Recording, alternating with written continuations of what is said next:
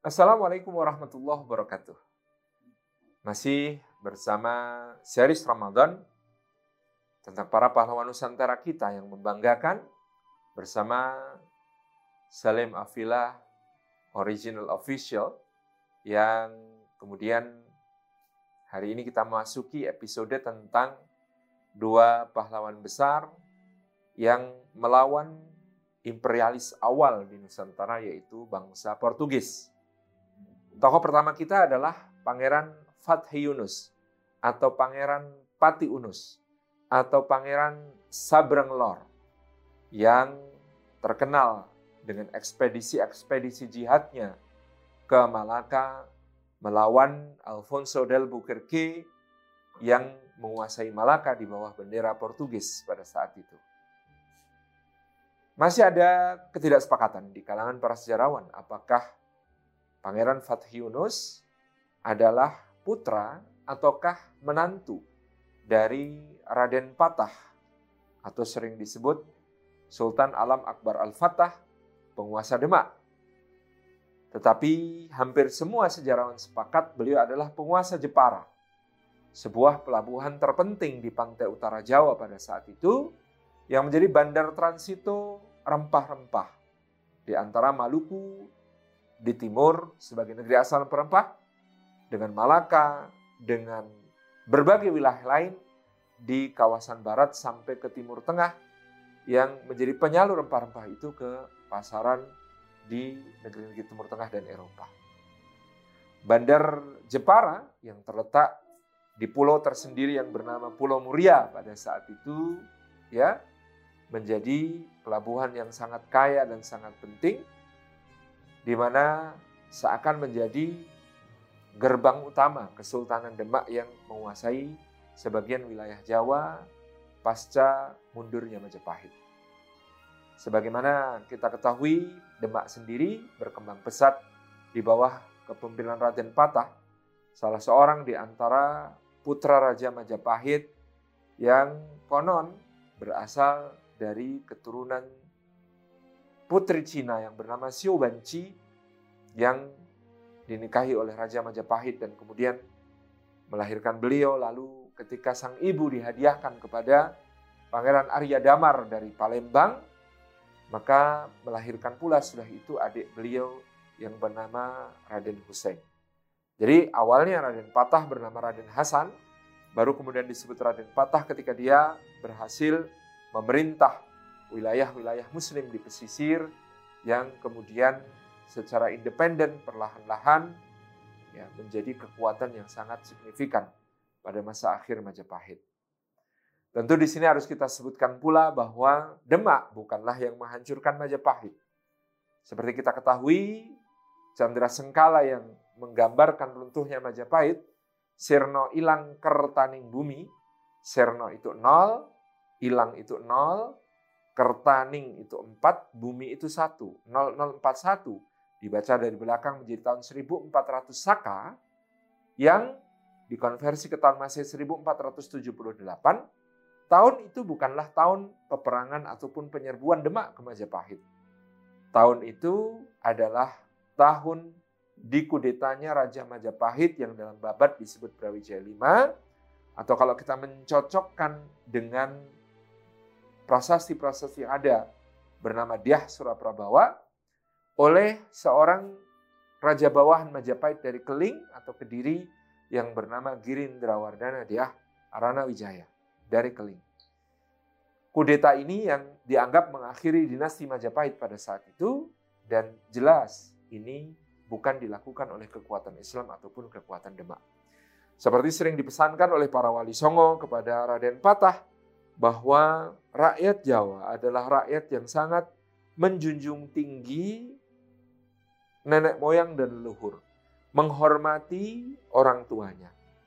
Maka kalau sampai Raden Patah menyerang Majapahit, tentu akan menjadi sebuah presiden di mana rakyat Jawa tidak akan mau masuk ke dalam agama dari seorang yang durhaka kepada orang tuanya. Agama Islam kalau sampai Raden Patah menyerbu ke Majapahit yang dipimpin ayahnya, akan dianggap sebagai agamanya anak durhaka. Dan ini yang sangat dicegah oleh para wali pada saat itu demi hikmah penyebaran Islam ke berbagai pelosok wilayah Majapahit. Majapahit sendiri kemudian di bawah kepemimpinan Gerindra Wardana di Ahrana Wijaya selalu berusaha untuk merangkul para adipati pesisir yang beragama Islam dengan pendekatan-pendekatan yang lunak. Sampai akhirnya Gerindra Wardana sendiri dikudeta oleh patihnya atau perdana menterinya pada sekitar tahun 1501 yang kemudian menobatkan diri sebagai raja sebagai Prabu Udara. Prabu Udara inilah yang kemudian mengambil kebijakan yang berbeda terkait kaum muslimin, melakukan agresi, penyerangan-penyerangan, dan harbi sifatnya kepada Islam. Bahkan berani menyerang Giri, pesantren Kanjeng Sunan Giri yang disebut Giri Kedaton sebagai pusat syiar Islam pada masa itu sehingga penyerbuan ke diri inilah, ke giri inilah yang kemudian dijadikan alasan Demak untuk juga mengangkat senjata melawan Prabu Udara dari Majapahit yang sudah bukan dinasti kerajaan Majapahit. Kesewenang-wenangan Prabu Udara dan bobroknya pemerintahan pada saat itu yang membuat rakyat sangat menderita, menjadikan ya, rakyat berpihak kepada Raden Patah, kepada Sultan Demak, dan menganggapnya sebagai pewaris sah Majapahit, berduyun-duyun mereka masuk Islam, dan bersama-sama mereka memerangi kelaliman dari Prabu Udara. Sampai nanti dituntaskan pada masa Sultan Trenggana di Demak, yang kemudian membuat Majapahit pun tamat. Sekali lagi, proses sampai runtuhnya Majapahit adalah proses yang berliku dan rumit, dan Islam pada saat itu tidak bisa dituduh sebagai yang menghancurkannya karena Majapahit lemah dan hancur dengan sendirinya karena persaingan internal dan peperangan di antara sesama penguasa wilayahnya yang sama-sama beragama Hindu. Kembali ke Demak, kita bersama dengan Raden Patah ketika Majapahit semakin makmur, gelagah wangi yang berupa hutan-hutan pada masa sebelumnya menjadi sebuah kota besar. Dibangun pada masa itu Masjid Demak yang masih bisa kita lihat sampai sekarang. Ada satu hipotesis yang menarik seperti yang dikemukakan Pak Solihin Salam. Kenapa Demak menyisakan masjid sementara istananya tidak ada?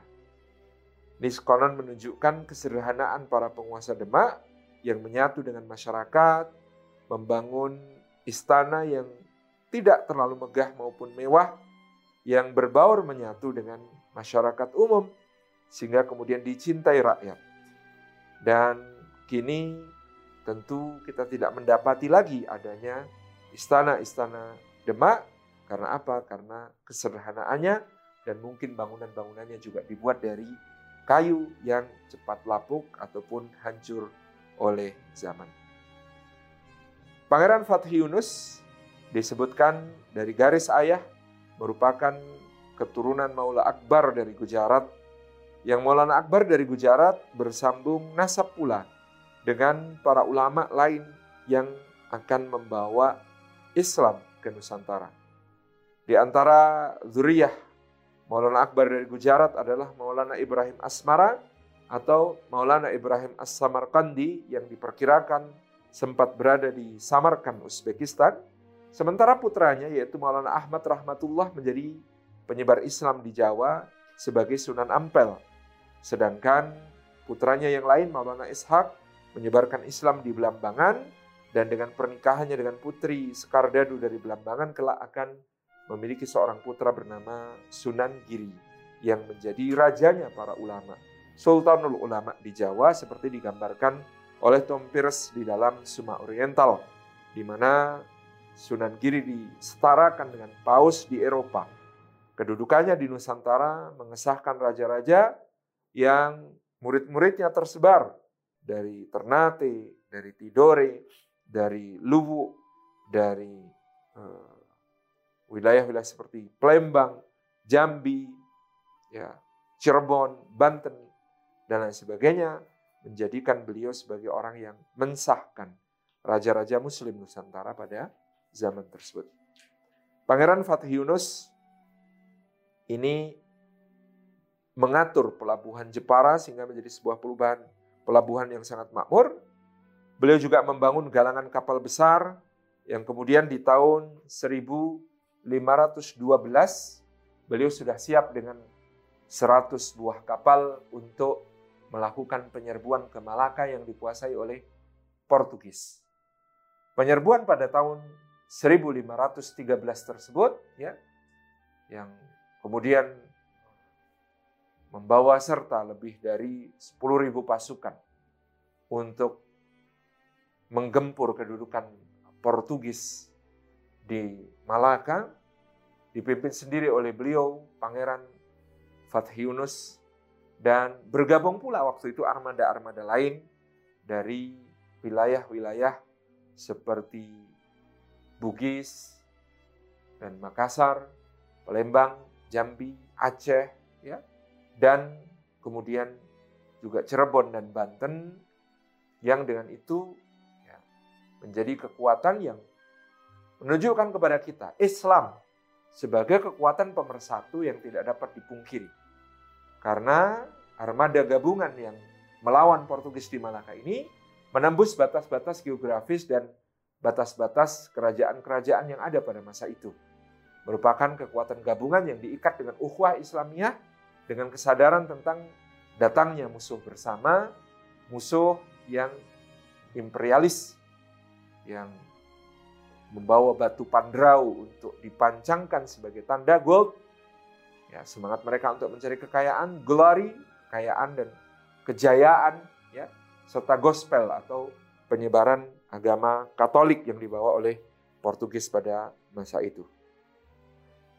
Pecah perang di Pelabuhan Malaka, tetapi sayang memang pada waktu itu bertepatan dengan tibanya pasukan bantuan dari Goa, India, dipimpin langsung oleh Alfonso d'Albuquerque yang kemudian berhasil menjepit pasukan armada Demak, armada Jepara, sehingga Pati Unus ya, terpaksa membawa pulang kembali armadanya dari 100 kapal, hanya tersisa sekitar 7 atau 8 kapal yang pulang ke Jawa.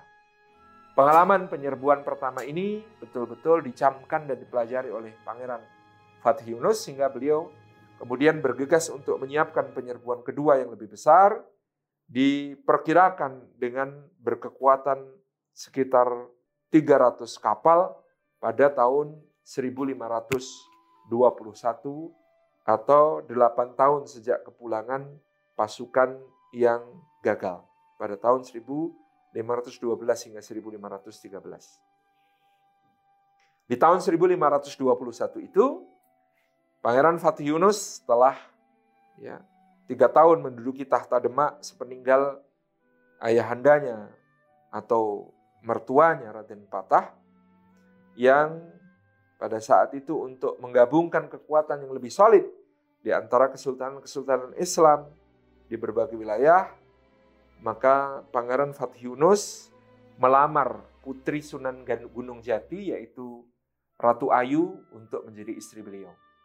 Dengan demikian, Pangeran Fatih Yunus menjadi menantu Raden Patah sekaligus menantu Sunan Gunung Jati di Cirebon.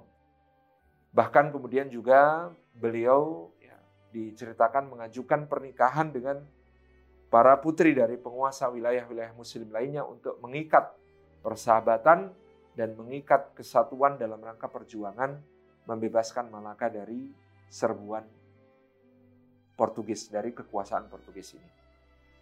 Pangeran Fatih Yunus kembali dengan penuh semangat berangkat dari pelabuhan Jepara pada tahun 1521 dengan kapal induknya berupa sebuah jong Jawa yang sangat besar yang dilaporkan oleh seorang komandan pasukan Portugis di Malaka sebagai yang terbesar yang pernah dilihat orang di seluruh perairan Nusantara. Kapal Jung yang menjadi pemimpin pasukan komando Fatahilah ini, ah, maaf, komando Fatih Yunus ini, ini diceritakan memiliki tiga lapisan logam yang membuat peluru-peluru meriam Portugis yang ditembakkan dari benteng Malaka tidak dapat menembusnya sama sekali. Selain tidak mampu mencapainya, juga karena dinding kapal Pati Unus yang dilapisi dengan logam yang sangat kuat ini membuat peluru dari meriam-meriam Portugis tak dapat menembusnya. Ada satu peluru yang kemudian berhasil ditembakkan masuk ke geladak kapal tersebut dan bahkan melukai sang Panglima Agung, Pangeran Fathiunus di atas kapal. Luka parah itu konon yang membuat beliau akhirnya gugur di dalam peristiwa penyerbuan kedua ke Portugis yang terjadi pada tahun 1521 ini. Pangeran Fatih Yunus membawa kembali armada perangnya yang diceritakan berlambang bendera kupu tarung yang sangat indah ditarik padahal ini adalah armada gabungan terbesar yang pernah dibentuk dalam melawan ya imperialisme Portugis pada saat itu. 350 kapal yang sangat kuat yang armada Aceh bergabung, Palembang bergabung, Jambi bergabung, Cirebon bergabung, Demak dan kemudian Banten sampai pelaut-pelaut Bugis, para kapal-kapal dari Tuban, kapal-kapal dari pelabuhan Gresik dan lain sebagainya menjadi satu kesatuan komando di bawah kepemimpinan Pangeran Pati Unus yang luar biasa. Pangeran Patiunus yang terluka parah, kemudian wafat, gugur syahid karena luka-lukanya di dalam peperangan melawan Portugis ini. Dan orang kedua di dalam armada tersebut yang oleh beberapa sumber disebut Raden Hidayat membawa balik kapal itu ke Jawa dengan transit pertama di pelabuhan Cirebon menghadap kepada Sunan Gunung Jati dan Sang Sunan Gunung Jati, pemimpin para wali pada saat itu, ya mendoakan agar Allah menerima syahidnya Pangeran Fatih Yunus. Ikut bersama dengan rombongan kepulangan Pangeran Fatih Yunus ini, beberapa petinggi dan para prajurit dari Kesultanan Malaka yang kemudian menggabungkan diri dengan pasukan Jawa ini. Lalu oleh Sunan Gunung Jati mereka diberi tempat di wilayah sebelah selatan Cirebon di sebuah tempat yang luas yang memiliki danau yang sangat sejuk dan indah maka wilayah itu kemudian disebut sebagai Tasik Malaya Tasik artinya danau atau padang luas Malaya atau Melayu Malaka berarti dihuni oleh orang-orang yang berasal dari Kesultanan Malaka maka Mungkin Anda berasal dari Tasikmalaya, ada kemungkinan Anda bukan hanya berdarah Sunda, tapi juga berdarah Kesultanan Malaka karena kemudian merupakan Tasik Malaya ini wilayah yang dihadiahkan Sunan Gunung Jati untuk keluarga Kesultanan Malaka dan prajurit-prajuritnya yang menyertai kepulangan Pangeran Fatih Yunus ke Jawa. Pangeran Fatih Yunus kemudian jenazahnya dibawa kembali ke Demak atau ada yang menyatakan bahwa beliau berwafat setelah tiba di Demak. Ya, ada beberapa uh, riwayat tentang ini.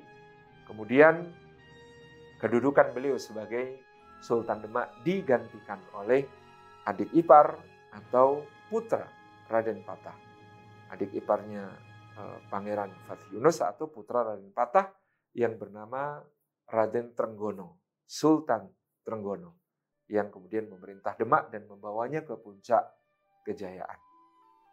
Pangeran Fatih Yunus telah mengukirkan sejarah dengan memberi pemahaman kepada kita. Dari dulu, Islamlah yang memberi kesadaran kepada bangsa kita tentang ancaman dan bahaya dari penjajah yang datang. Imperialis, khususnya imperialis Portugis yang kemudian menguasai Malaka sebagai bandar rempah-rempah terbesar di Selat Malaka. Di jalur pelayaran, pelayaran yang paling ramai pada saat itu dalam pengangkutan rempah-rempah. Penguasaan Portugis kepada Malaka membuat sebagian jalur pelayaran rempah-rempah kemudian pindah ke pantai barat Sumatera dari pelabuhan Aceh ke pelabuhan-pelabuhan di pantai barat seperti Barus, Tiku, Pariaman, dan kemudian sampai ke Lampung dan Banten yang menjadikan Banten sebagai bandar atau pelabuhan yang ramai dan kuat di masa berikutnya. Inilah Pangeran Fatih Unus, Adipati Unus, menantu atau putra Raden Patah, menantu Sunan Gunung Jati yang kemudian telah memberikan suri teladan keberanian untuk melawan Portugis, melawan penjajah. Tokoh kedua yang akan kita bahas di kesempatan hari ini adalah Fatahillah. Seorang tokoh yang fenomenal karena berhasil ya mempertahankan tanah Jawa dari aneksasi oleh Portugis yang pada saat itu pelabuhan Sunda Kelapa diserahkan oleh Raja Samiam, raja dari Pajajaran, untuk didirikan sebuah benteng dan loji dagang Portugis yang kalau itu sampai terwujud akan menjadikan Portugis, penjajah yang sangat ditakuti ini bercokol di Jawa. Siapakah Fatahillah? Para peneliti Belanda seperti Haji de Graaf dan lain sebagainya masih berpendapat bahwa Fatahillah dan Sunan Gunung Jati atau Syarif Hidayatullah adalah orang yang sama. Tetapi penelitian yang lebih mutakhir seperti oleh Profesor Hussein Jayadi Nengrat dan lain sebagainya yang kemudian secara lebih teliti menelisik di samping makam Sunan Gunung Jati terdapat sebuah makam yang bertuliskan Tubagus Pase Fathullah atau Tubagus Pase Fatahillah atau Fadlullah Khan yang menunjukkan ada sosok yang merupakan tokoh sejarah yang berbeda dengan Sunan Gunung Jati itu sendiri. Sunan Gunung Jati, Syarif Hidayatullah bin Syarif Abdullah Al-Masri, merupakan seorang ulama besar yang menjadi pembawa Islam di Jawa Barat. Khususnya seluruh Jawa pada umumnya. Beliau memiliki seorang ibu bernama Rara Santang, putra Raja Pajajaran, yang bersama kakaknya yang merupakan uak Sunan Gunung Jati yaitu Pangeran Walang Sungsang menunaikan haji ke Tanah Suci. Di Tanah Suci Mekah bertemulah mereka dengan Syarif Abdullah Al-Masri yang berasal dari Mesir, kemudian Rara Santang dinikahkan dengan sang Syarif oleh kakaknya Pangeran Walang Sungsang dengan perjanjian kalau kelak mereka memiliki seorang anak laki-laki maka akan dikirim ke Jawa untuk membantu uaknya berdakwah. Pangeran Walang Sungsang kemudian pulang ke Caruban atau ke Cirebon ya mendirikan pusat dakwah di Cirebon. Sementara Syarif Hidayatullah lahir di Mesir, selama 20 tahun mengenyam pendidikan Islam di Mesir, kemudian pamit kepada keluarganya menuju Mekah, di Mekah kemudian belajar kurang lebih 10 tahun sampai usia beliau 30 tahun. Dan beliau dalam catatan babat Cirebon yang sudah diteliti oleh Kiai Ahmad Baso jelas secara sanad keilmuan merupakan murid dari Syekhul Islam Zakaria Al-Ansari, Imam Ahlu Sunnah wal Jamaah pada zamannya, yang Syekhul Islam Zakaria Al-Ansari adalah murid dari Al-Imam Ibnu Hajar Al-Asqalani, ya, penulis kitab Fathul Bari dan Bulughul Maram yang sangat terkenal di Indonesia. Jadi, Syarif Hidayatullah adalah cucu murid dari Imam Ibnu Hajar Al-Asqalani. Beliau kemudian menuju ke Jawa dan menemui waknya Pangeran Walang Sungsang alias Pangeran Cakrabuana di Cirebon. Kemudian beliau diambil menantu oleh Pangeran Cakrabuana dan kemudian dari situlah beliau menggantikan uaknya dalam memimpin dakwah di wilayah Jawa Barat. Syarif Hidayatullah ketika tiba di Jawa disebutkan karena tawaduknya selama Sunan Ampel masih hidup tidak berkenan untuk mengajarkan ilmu-ilmu yang diperolehnya di Tanah Suci maupun di Mesir. Begitu Sunan Ampel wafat, baru Sunan Kalijaga yang mendesaknya untuk mengajarkan ilmu-ilmunya dan Sunan Kalijaga pun menjadi murid talaki yang sangat serius, hadir ke Cirebon, ke pada Sunan Gunung Jati untuk mengaji langsung pada beliau. Tempat di mana Sunan Kalijaga tinggal selama berada di Cirebon, sampai hari ini masih disebut sebagai desa Kalijaga. Nah, bagaimana hubungan Syarif Hidayatullah Sunan Gunung Jati ini dengan tokoh yang akan kita bahas, yaitu Tubagus Pase Fathullah alias Fatahillah alias dalam lidah orang Portugis Faletehan atau Fadlulahan dalam versi penelitian mutakhir oleh Profesor Uka Chandra Sasmita disebutkan bahwa Fatahilah atau Fadlullah Khan atau Faletehan ini adalah seorang ulama Pasai. Ketika pada tahun 1521 pasca kekalahan dari Pangeran Fatih Yunus dan armadanya ditarik ke Jawa, maka ternyata Portugis bergerak dengan armada yang kuat untuk menaklukkan Pasai di pantai utara Aceh. Kesultanan Pasai berhasil dihancurkan dan dikuasai oleh Portugis pada tahun 1521 tersebut, sehingga pada saat itu Fadlullahan atau Fatahilah yang baru pulang dari Tanah Suci mendapati negerinya telah dikuasai Portugis sehingga dia meneruskan perjalanan menuju ke Jawa. Di Jawa dia mengabdi ke Demak kepada Sultan Trenggono pengganti Pangeran Fathiunus memerintah Demak. Kemudian melihat keulamaannya maka Sultan Trenggono menjadikannya sebagai mufti di Demak. Tapi ternyata Fatahillah bukan hanya seorang ulama yang bisa mengajar kitab-kitab, tetapi juga seorang yang pandai mengajar ilmu peperangan dan kemiliteran. Bahkan disebutkan dia dari keturunan panglima-panglima Pasai yang terkemuka.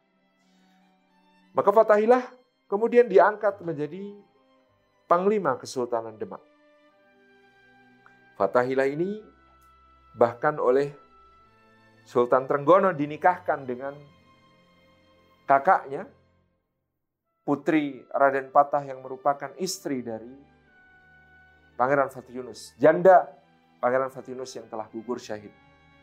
Bahkan juga dinikahkan dengan Ratu Mas, putri dari Syarif Hidayatullah Sunan Gunung Jati yang dahulu juga adalah janda dari Pangeran Fatih Yunus. Jadi Fatahilah menikahi kedua janda Pangeran Fatih Yunus dan mewarisi semangatnya untuk berjihad visabilillah berjuang menahan aneksasi imperialis Portugis terhadap wilayah-wilayah di Nusantara.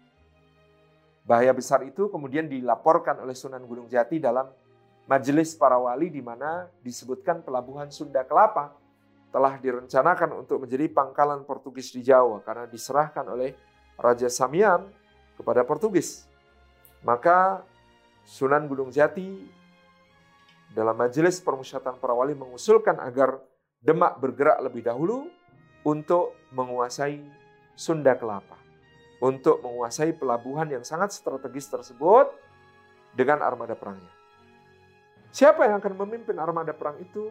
Sunan Gunung Jati melihat pada diri Fatahilah, Fadullah Khan, Falatehan ini sebuah semangat jihad yang menyala-nyala. Maka tanpa ragu, Beliau pun menunjuknya sebagai panglima yang disetujui kemudian oleh Sultan Trenggono pada saat itu. Fatahila akan memimpin pasukan darat maupun laut yang bergerak ke arah barat untuk menghadang kedatangan armada Portugis ke pelabuhan Sunda Kelapa. Di tahun 1527 bergeraklah pasukan yang dipimpin oleh Fatahilah ini ke arah barat dibantu oleh Maulana Hasanuddin, putra Sunan Gunung Jati yang berkedudukan di Banten, untuk mempersiapkan pasukan darat yang juga siap mendukungnya untuk mempertahankan Sunda Kelapa. Sementara Fatahillah bersama pasukan perangnya berangkat dari Demak menuju ke Cirebon, menggabungkan diri dengan kekuatan pasukan Cirebon, kemudian terus mengarah ke barat, ada yang melalui jalur perairan dengan kapal-kapal, dan ada pula yang melalui jalur darat untuk bersiaga di Sunda Kelapa untuk menghentikan ya penjajahan Portugis di Nusantara. Tanggal bersejarah itu akhirnya dikenang pada tanggal 21 Juni 1527. Armada perang Portugis dan pasukan yang dipimpin oleh Fatahillah terlibat dalam perang yang sangat sengit di pelabuhan Sunda Kelapa. Sampai kapal-kapal Portugis banyak yang diketenggelamkan. Pasukan yang turun ke daratan pun dibinasakan sampai sisa pasukan akhirnya kemudian ditarik mundur ke Malaka kembali dan terjadilah kemenangan yang gilang gemilang di Sunda Kelapa pada saat itu.